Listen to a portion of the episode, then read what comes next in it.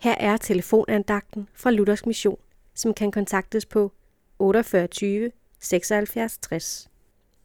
Andagtsholderen i dag er Lisbeth Nielsen. I salme 40, vers 1-3 står, Jeg satte alt mit håb til Herren, og han bøjede sig ned til mig og hørte mit råb om hjælp.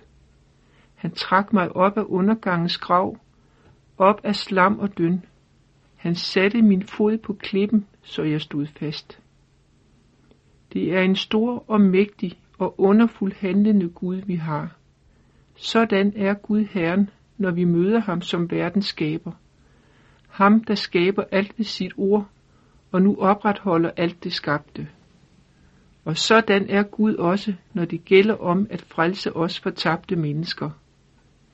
Det billede David i overnævnte salme giver os af menneskenes situation er dyster. Undergangens grav, hængende fast i slam og døn. Vi ved, hvordan det er med kviksand. Jo mere man arbejder på at komme fri, jo dybere ned synker man. Er man overladt til sig selv, er alt håb ude. Og sådan er vores situation. Fra den evige fortabelse og Guds dom kan intet menneske selv redde sig. Men Gud har handlet og grebet ind. Som David siger i salmen, han hørte mit råb. Han trak mig op. Han satte min fod på klippen. Den klippe er Jesus Kristus.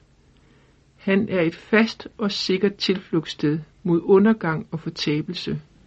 Det eneste tilflugtssted. Hvilket glædeligt budskab denne dag. Amen.